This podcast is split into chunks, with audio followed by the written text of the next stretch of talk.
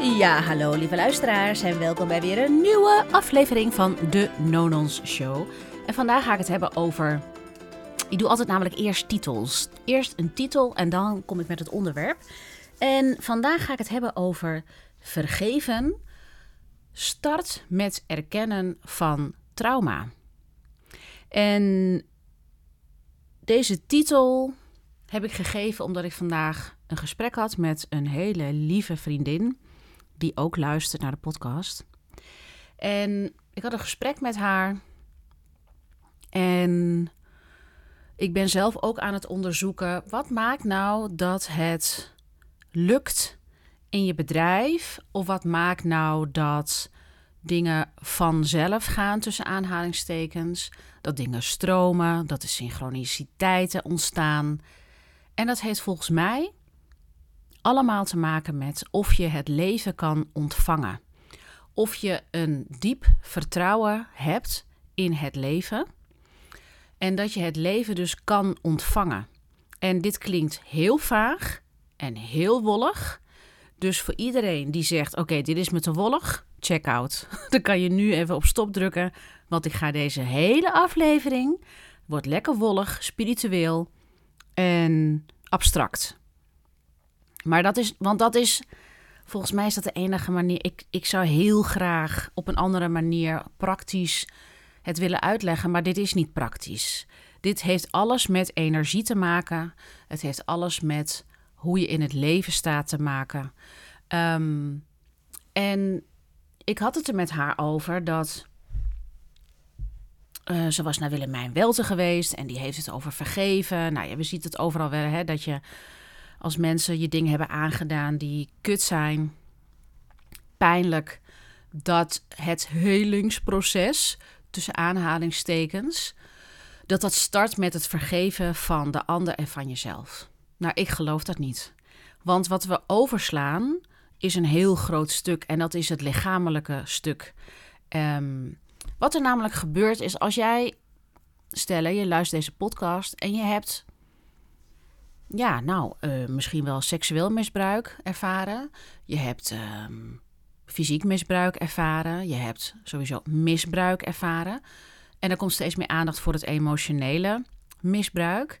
Dat wil zeggen dat je eigenlijk jouw behoeftes en jouw, um, ja, je behoeftes, wat je nodig hebt, dat je liefde en aandacht eigenlijk, dat je dat niet hebt ontvangen. Nou ja, dat is emotioneel misbruik. En dat is niet dat mensen dat bewust doen. Dat doen we, onze ouders doen dat niet bewust. Dat is ook wat zij weer hebben doorgekregen. Dus het is hier ook niet zo dat we hier mensen de schuld gaan geven. Maar het is wel een manier van omgaan met uh, kinderen. En die manier die geven mensen door, waardoor er wel ontwikkelingstrauma ontstaat. En dat wil zeggen dat je dus eigenlijk Um, en daar staan dus, daar zijn ook natuurlijk allemaal gradaties in. Hè? Ik bedoel, niet iedereen heeft hetzelfde, dezelfde diepte aan trauma meegemaakt. Maar als je, en ook ligt het heel erg aan welke leeftijd je het hebt meegemaakt. En vaak is het zo dat we soms niet eens weten of beseffen dat, um, ja, dat bijvoorbeeld je eigen behoeftes dat delen en dat daarna geluisterd wordt dat dat traumatisch is als dat niet gebeurt. En dat dat een kind heel erg vormt, want, en laat ik nu even uitgaan, nu ga ik even uit van echt eh, trauma. Dus stel je hebt seksueel misbruik ervaren of je hebt echt wel fysiek misbruik, dus dat je geslagen werd of dat er dingen naar je geroepen werden of er was gewoon geen aandacht voor je, er was gewoon geen fysieke aandacht en liefde voor jou. Stel hè, dat je dat hebt meegemaakt. En je wil graag, je, bent, je zit in je business en je wil in je. Het kan ook zo trouwens zijn, bijvoorbeeld, dat je wat hebt meegemaakt dat je ouders heel veel ruzie hadden. En dat je daarin een media bent, mediator bent geworden. Of dat je ouders op hele jonge leeftijd zijn gescheiden. Dat is allemaal trauma. En ik heb er gewoon geen andere woorden voor. Maar die pijn, wat er gebeurt is als je dat in de eerste zeven levensjaren vooral een of ander uh, gebeurtenis hebt meegemaakt, of gebeurtenissen, of dat het gewoon dus zo was thuis bij jou, het gaat er trouwens ook niet over dat ik nu zit te zeggen hoe zielig je bent. Hè? Want dan ga ik je ook niet. Dan ga, je, hè, dan ga ik je ook niet empoweren. Want dat is ook wat heel vaak gebeurt. Hè? Van ja, dan ben je slachtoffer en dan ben je zielig. Kijk, als ik dat zou doen, dan ga ik jou als luisteraar zeker niet serieus nemen. Dan, dan spreek ik jou aan op de wond en dan spreek ik je niet aan op dat jij in jouw volwassen leven de mogelijkheid hebt om dat te kunnen transformeren als je dat wil. En ik denk dat heel veel mensen, en ook in therapie en in coaching, ook al zeggen ze daarover hè, dat in coaching, nee, coaches, coaches mogen niet aan trauma komen. Nou ja, als jij misschien een traumacoach bent en je bent er gewoon voor opgeleid in een coachopleiding. Sommige dingen lopen echt een beetje in elkaar over.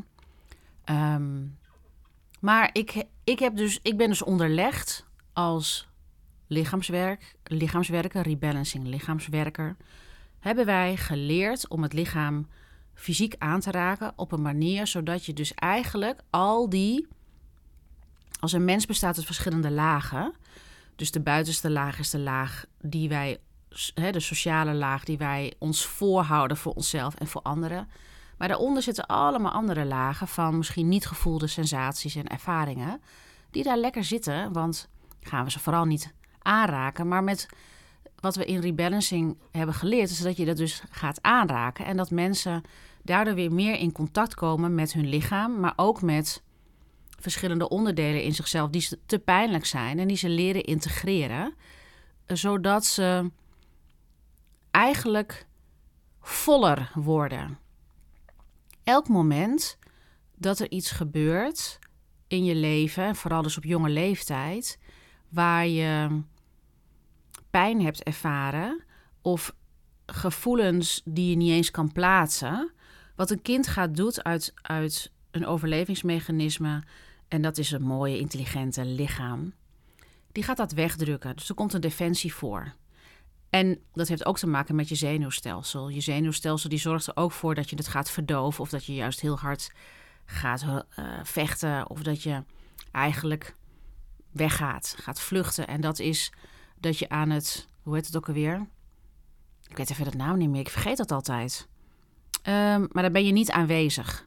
Want als jij niet aanwezig bent in je lichaam, dan hoef jij ook al die pijnlijke gevoelens niet te ervaren. En dat gebeurt vooral als jij herhaaldelijk pijn ervaart. En dat kan van heel heftig, dat je dus meerdere malen seksueel misbruik of dat fysiek misbruik, uh, tot of alleen dat emotionele stuk wat net zo heftig kan zijn. Nou, daar bouwen we dus allemaal mechanismes omheen om te kunnen functioneren. Want we gaan ons natuurlijk wel rechtop houden. Ehm, dat is de intelligentie van het leven. Dus ik wil alle emotie en alle zieligheid eruit halen, omdat wat heel vaak gebeurt, en wat ik ook zie in psychologie, is dat mensen. Dan komt iemand met een probleem tussen aanhalingstekens. En dan is dat een patiënt of dan is dat een cliënt. En die heeft een probleem. En dat probleem, dat willen we fixen. Maar ik denk dat je iemand veel meer kan empoweren door um, eigenlijk de dingen niet meer als een probleem te zien, maar als een groeiuitdaging. Als je dat al zo gaat zien van nu kom je dingen tegen in jezelf en je, gaat, je merkt, ja, uh, ik voel me bijvoorbeeld, uh, laat even bij mezelf houden.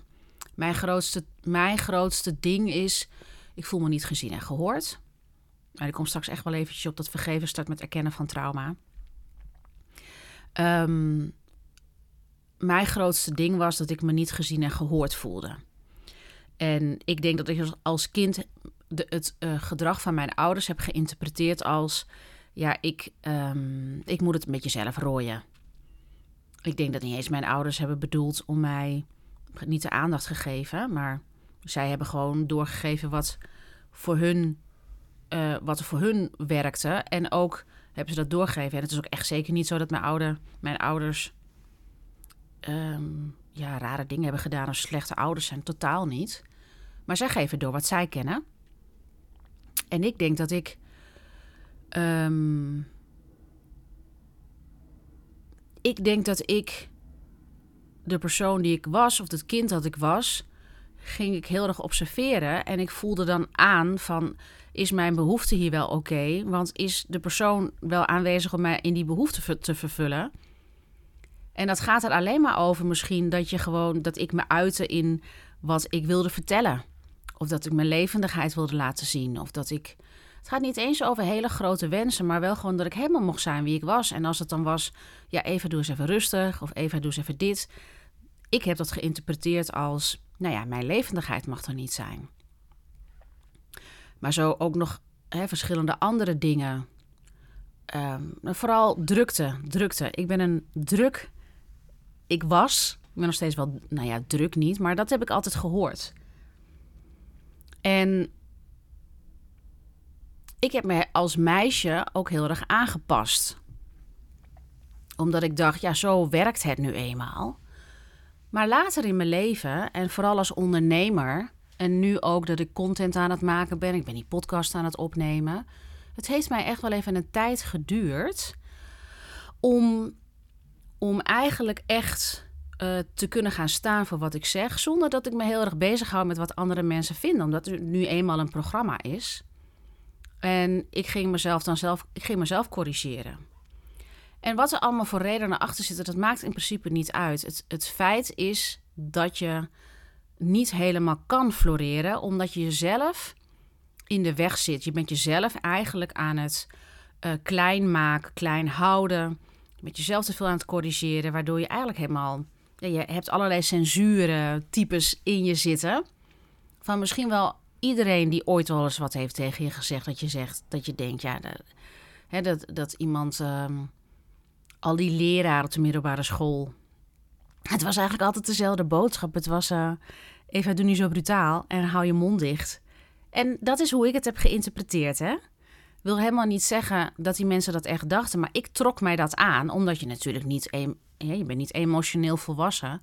Dus dat trek je je persoonlijk aan en dan gaat het in je zitten en je gaat het eigen maken. Maar toen ik anderhalf jaar geleden, of in die coronatijd, het tweede jaar van corona, toen merkte ik dat er klanten wegbleven. Ik merkte dat ik hard aan het trekken was om klanten aan te trekken ik merkte dat, mijn, dat ik mijn business. Dat ik daar um, dingen aan had gehangen als succesvol zijn, als ik identificeer me hiermee, als, als ik dit niet, als dit niet lukt of als dit niet oké is, dan ben ik gewoon mislukt. En ik was me daar op een gegeven moment van bewust en toen dacht ik, ja, kijk, ik heb hem geen plezier meer in wat ik doe. Ik ben het aan het doen om voor mezelf te presteren. Het werd een prestatieklus omdat ik ergens me niet door, door nou ja, wat ik allemaal in mijn hele leven heb gehoord, ehm, door een ex-vriend die niet heel aardig was. Dat zijn allemaal dingen die mij dan hebben gevormd. Die hebben uh, overtuigingen gecreëerd in mij. Um, waardoor ik dus een bepaalde aanpak en een bepaalde houding had, ook in mijn bedrijf en in mijn leven ik ben opgegroeid met het idee: je moet een onafhankelijke vrouw zijn en altijd je eigen geld verdienen. En ik weet dat mijn moeder altijd zei: Ik ben zo super trots op je, want jij hebt gewoon een eigen bedrijf en jij verdient geld. Ik zou dat nooit. Dan zegt ze: Ik leer van jou. Um, maar ik heb dus, ik heb het, dat heb ik dus allemaal zelf ergens uitgevonden. En het is heel fijn als je, als je moeder dat tegen je zegt. Maar ik ervaarde geen steun of, nou ja, je mag het ook wel eens even niet weten. Dus eh, ik was heel erg in die mannelijke energie gaan zitten. Wat ik, en soms ongezonde mannelijke energie, te hard werken, te veel doen. Maar dat komt uit een wond van mij. En dat is dat ik eigenlijk wilde leunen. Ik had zoiets van, ik wil ook gewoon leunen, naast leunen. Ik hoef niet... Uh, het gevoel hebben dat er iemand is of dat er iets is. En dat is altijd iets geweest vanuit mijn jeugd, dat ik dat wilde ervaren. Maar natuurlijk word je ouder en ouder en je kan het niet. Je kan het niet vervangen met een vader of een moeder die um, dat nu doet. En het grappige is dat ik er dus eigenlijk achter kom dat daar het helemaal niet over ging. Het was mijn interpretatie als kind met ik moet het zelf doen dus ga ik het zelf doen. Dat is wat ik ben gaan geloven.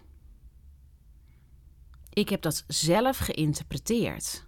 Ik heb daar zelf een geloofssysteem op gebouwd.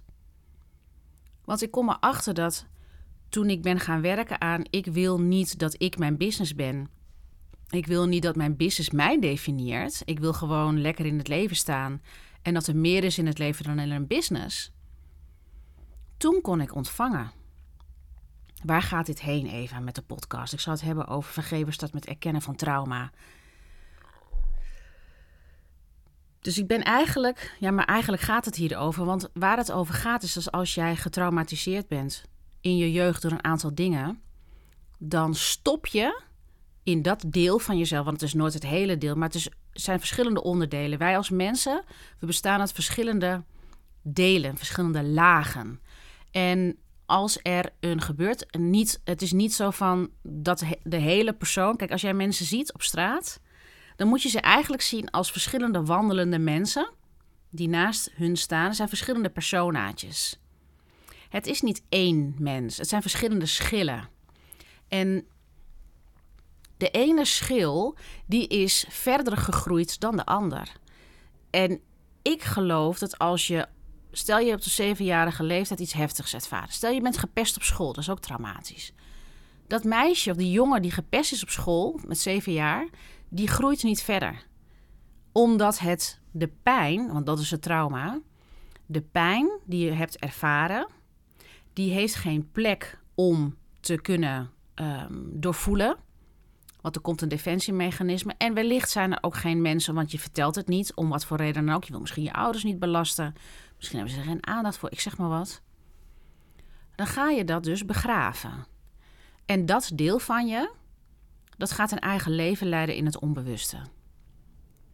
En dat deel, als jij bijvoorbeeld een podcast wil opnemen of je wil content plaatsen in de openbaarheid, dan gaat dat deel naar voren komen met boosheid, met ja, wie zit hier nou op te wachten? Want dat is het deel dat zegt: ik voel me niet waardig.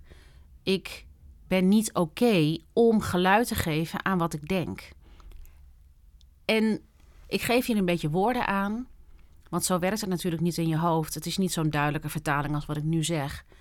Maar die, die delen die niet meegegroeid zijn, die pijn hebben, die voelen zich onwaardig. En wat er namelijk gebeurt is ook, omdat wij dat deel wegstoppen, het is te pijnlijk, we gaan het niet voelen, we gaan door met ons leven. Dat deel stopt, maar gaat gewoon groeit met je mee in die zin dat het bij je is en je bent er uit contact mee. Het is in je onbewuste.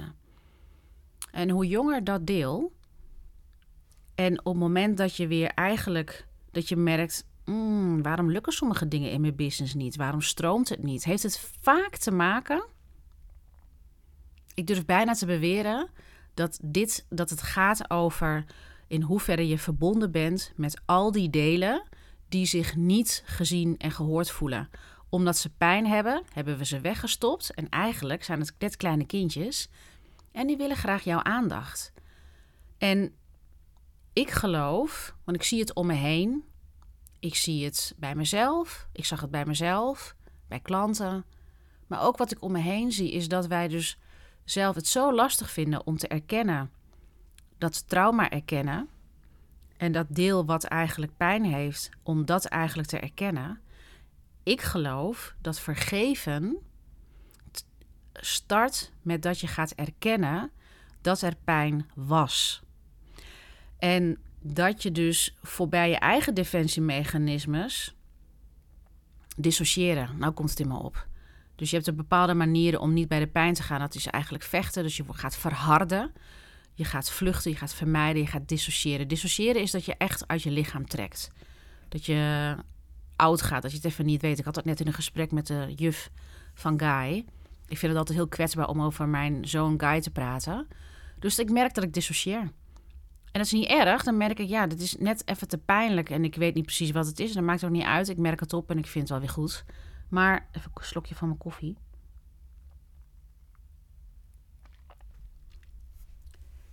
Het werk wat ik uh, doe in persoonlijk leiderschap, is dat ik mensen uitnodig als ze merken dat ze dus geen vitaliteit ervaren, dat ze heel erg in prestatie zitten, als in dit moet lukken, waarom lukt het nou niet?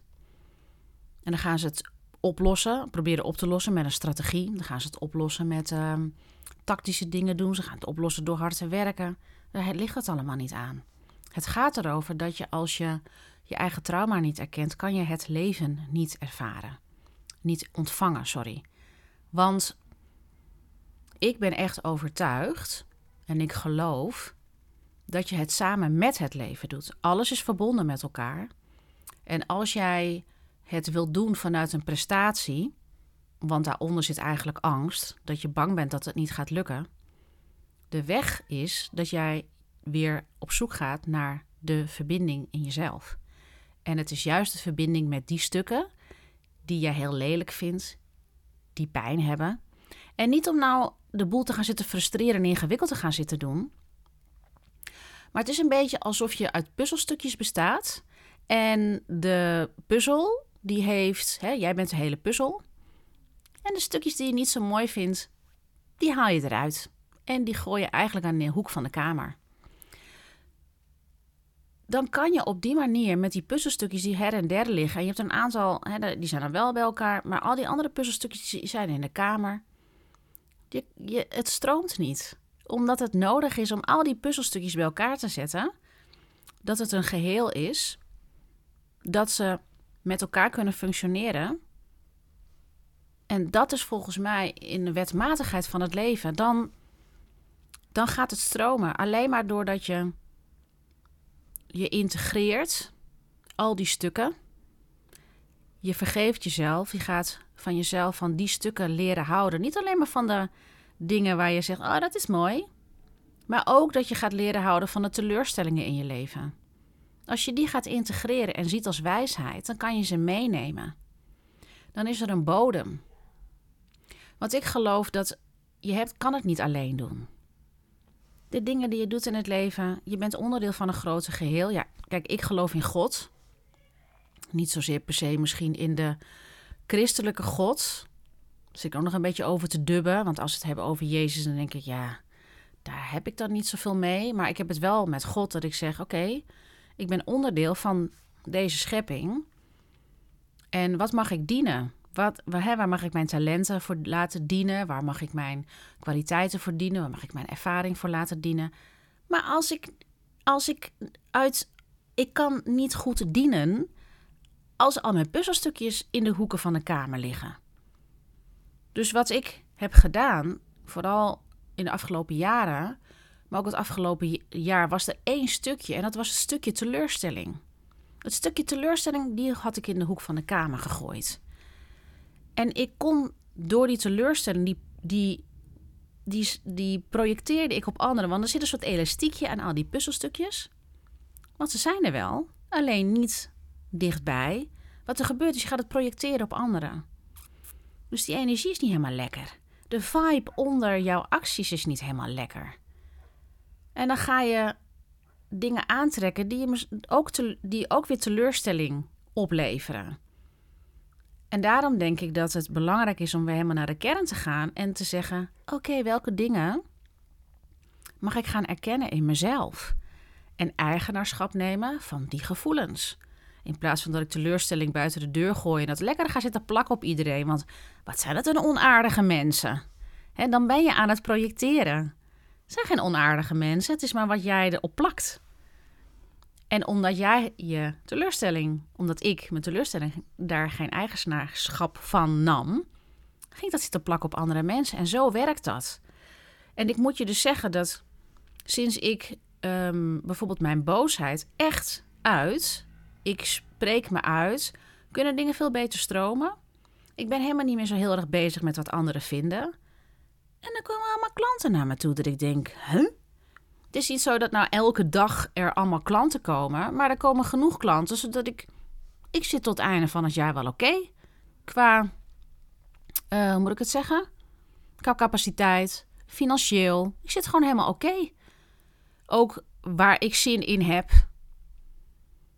Dus het is niet meer een prestatieklus van, oh moet je mij hè, voor mezelf. Ik denk, het, mijn business is een aanvulling op mijn leven. En ik vind het heerlijk om podcasts op te nemen. Ik vind het heerlijk om content te maken. Maar ik vind het ook heerlijk om mijn klanten te bedienen. Om die op een goede manier te bedienen. Dat ik altijd bereik ben. Bereik, bereikbaar ben. Altijd wil niet zeggen dat je me om 11 uur s avonds een berichtje stuurt en dan, één minuut later ben ik er. Dat is altijd wel, daar heb ik altijd regels voor. Um, anders loop ik leeg. Maar dat is, dat is allemaal detail, dat is allemaal niet zo interessant. Maar ik merk, ik kan het leven weer ontvangen. En dat voelt zo ontzettend fijn. En voor mij is het hele gebeuren met je trauma helen. Dat kan alleen maar als je je trauma erkent. Als je de pijn. Laten we zeggen dat we het trauma dat we niet zeggen, maar dat je je wonder erkent. En dat je daar liefde en aandacht naar geeft door gewoon te zeggen: Je hoort bij mij, het is oké. Er gebeurt iets daarin. Er is een transformatie. Met dat als je je trauma, als je daar eigenaarschap van neemt, hoe kut het ook is. En daarom ben ik ervoor om de tools te geven, de aanwezigheid in het begin te geven. Want dan kan je niet alleen. Trauma verwerken, dat kan je niet alleen. Dat innerlijk werk in het begin kan je dat niet alleen. Dat kan gewoon niet. Je hebt aanwezigheid nodig omdat kindstukken naar voren komen. En die willen gewoon graag gezien en gehoord eh, voelen. En het, is misschien gek dat ik dat zeg, maar altijd als ik. Dat vind ik altijd zo leuk als ik in sessies ben en we hebben. Want dat is alles is energie. En een klant die komt in aanraking met kind, maar ik kent het misschien nog niet. Ik heb het al lang. Ik voel het al lang. Ik kan gewoon een gesprek voeren. Ik kan het gewoon voor me zien heb ik altijd heel bijzonder gevonden. Vooral inderdaad met. Ehm, ja, dan. En het is zo mooi als mensen weer in contact komen met dat innerlijke kind. Er is een soort van ehm, collectief archetype. Dat wij dat voor ons zien. Want dat is voor mij is dat eigenlijk onze kern. Um, ik weet niet of dat nou is. Nou, ik weet niet of het helemaal onze kern is. Maar in ieder geval, als je daar wel mee in verbinding bent, dan voel jij je gewoon lekker. En als jij je lekker voelt, heb je niks nodig van de buitenwereld. En dan kan je bijdrage leveren. Dan is het niet, ik vraag jou iets voor mij. Nee, wat heb jij nodig? Waar kan ik je mee van dienst zijn? Hoe kan ik jou verder begeleiden? Dat is een hele andere vibe. En ik heb deze, deze podcast vergeven. Start met erkennen van je trauma. Want dat is volgens mij, voor mij klopt dat veel meer dan ik moet mezelf vergeven. Nee, dat kan helemaal niet. Je moet eerst, eerst ik vind dat wat erbij hoort, en dat is dat lichamelijke stuk waar geen hond het bijna over heeft. En dat is dat je dus in een veilige setting bent, al die gevoelens kan ervaren op een manier die veilig is. En, en ik, ik, ik, ik ga je even een heel klein toeltje meegeven, maar ik zeg niet dat je dit moet doen. Wat ik meestal doe met mensen om weer in contact te komen met zichzelf Ehm, en die pijn te kunnen transformeren. Wat ik doe is heel simpel. Maar don't try this at home. Want mijn expertise en mijn, mijn hoe zeg je dat? Mijn aanwezigheid. Dat zorgt ervoor dat iemand zich veilig voelt. Uh, en in dit geval zeg ik ik, want ik ben dan de, de, de persoon in kwestie die de begeleiding biedt en die de veilige container biedt. Maar het is eigenlijk in principe heel simpel. Als je gevoelens van paniek ervaart of gevoelens van pijn, wat je dan doet is je gaat zitten op een stoel, rechtop, met de rug in de rugleuning. Je hebt de voeten plat op de grond. En dan ga je tegen jezelf zeggen: Het is helemaal oké dat ik dit ervaar wat ik ervaar. En dan blijf je ademen. In- en uitademen door je neus en door je mond. Inademen door je neus, uitademen door je mond. Je houdt je voeten stevig op de vloer. En je gaat net zo lang aanwezig zijn met de ongemakkelijke ervaring die je hebt. En op een gegeven moment wordt het rustig. Want het zijn gewoon golven die naar boven willen komen van datgene wat je onderdrukt hebt. En ik zeg nogmaals, dit is alleen maar voor de mensen die wat vergevorderder zijn. En um, als je hier nog nooit wat mee hebt gedaan, dan raad ik je het af om dit te gaan doen. Maar het is trauma, mag je um, erkennen door het te mogen ervaren en te voelen. Het gewoon te doorvoelen. En we doen zoveel dingen om het niet te voelen. Maar uiteindelijk het enige wat gevoel wil, wat trauma wil, is dat het doorvoeld is in een veilige setting met een getrainde professional, zodat je het los kan laten en dat het uit je zenuwstelsel is. Zodat je je daarna weer in vertrouwen voelt. En als jij in vertrouwen bent, dan ben je als het ware weer klik in het leven. Nou, het is altijd zo mooi dat mijn podcast eigenlijk automatisch 30 minuten duurde. Dat is misschien leuk voor een ritje als je in de auto zit. Anyway, vergeven is de start van het erkennen van je trauma. Dat was het voor deze keer. Ja, de dingen die heel zwaar kunnen zijn, die kunnen luchtig verteld worden. Nou, dat was hem. Ik uh, bedank je voor het luisteren. En mocht je dit soort dingen ervaren, kom lekker in de lucht bij me. Stuur me een DM. Dankjewel voor het luisteren. Oh, DM via Instagram. Stuur me een DM daar. En um, dankjewel voor het luisteren. En tot de volgende. Doei doei.